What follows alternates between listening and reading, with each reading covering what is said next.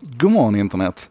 Eh, en sak idag ska handla om HoloLens 2. Eh, om du följer mig så vet du att jag är inte så här överdrivet förtjust i var vi är idag med, med VR, eh, headset och så vidare. Men jag vet ju att jag kommer behöva ge mig så småningom, i synnerhet när vi rör oss bort ifrån VR och vi börjar prata om det som Microsoft pratar mycket om här nu med augmented reality eller mediated reality eller mixed reality de här nya, det här nya headset, alltså HoloLens kom väl i sin första version för två år sedan ungefär och nu släpper man då den andra versionen här.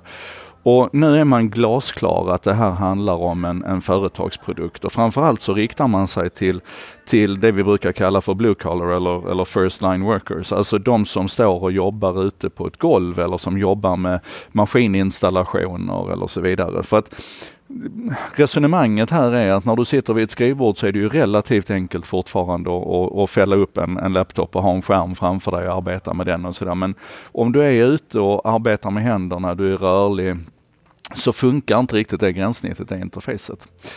Och då är då tanken att man ska ha de här glasögonen på sig istället, det här headsetet på sig istället. Och då handlar det mycket om att göra det lättare och bekvämligare, vilket man har åstadkommit. Det handlar mycket om att göra själva upplevelsen trevligare genom att man breddar synfältet, vilket man har gjort här. Du har alltså ett dubbelt så brett, om vi ska kalla det för HoloLens synfält som du hade i det gamla kittet. Det betyder att den här augmenterade eller blandade upplevelsen, den får du inte bara i en liten smal del av ditt synfält utan du får det i en större del av ditt synfält. Vilket naturligtvis är jätteviktigt om du ska kunna arbeta med händerna och göra saker.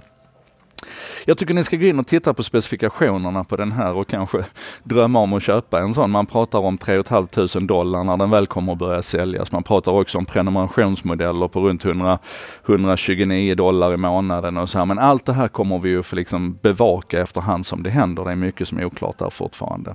Men en sak som jag tycker är makalöst fräckt med det här, det är att ni vet när jag har pratat om night vision i, eh, eh i, i Pixel 3, alltså i Googles nya nya kamera, om vi ska kalla den för det, som alltså jobbar med computational photography på ett helt nytt sätt. Det handlar inte bara om att försöka analysera pixlarna och göra dem ljusare och mörkare och i rätt färg och så vidare.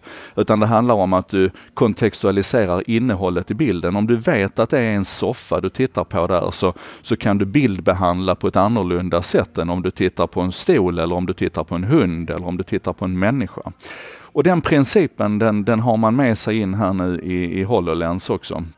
Vilket betyder att när den då ska tolka din, din omgivning, din verklighet, försöka avgöra var är den här bokhyllan eller var är den här maskindelen som jag ska arbeta med nu, trycker jag in, alltså den, den, skapar en, den skapar en uppfattning om hur rummet ser ut. Inte bara då som sagt rent, rent spatialt utan, utan på riktigt kontextuellt.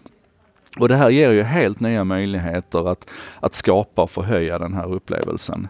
Eh, jag tänkte faktiskt inte säga så mycket mer än så idag, utan det här är ett, ett imponerande bygge från Microsoft. Den är fullspäckad med sensorer, den har intressant batteritid, den verkar vara ganska trevlig att bära. Tekniken, en sak som ni ska titta extra på, det är den här tekniken för att projicera den här, den här eh, eh, falska verkligheten för dig och, och, blanda den med den riktiga. Hur man arbetar där med en enormt intrikat teknik för att få det där att funka på ett sätt som inte ska belasta ögonen och, och upplevas så verkligt. Ja, det här är, det är jättespännande och jag kommer att hårdbevaka detta från och med nu för att precis som med, med Oculus Rift och med, med Magic, med alla de här eh, prototyperna får vi väl nästan kalla dem som finns på det här området så känns det nu som att vi börjar ta klivet ut i produktion på riktigt.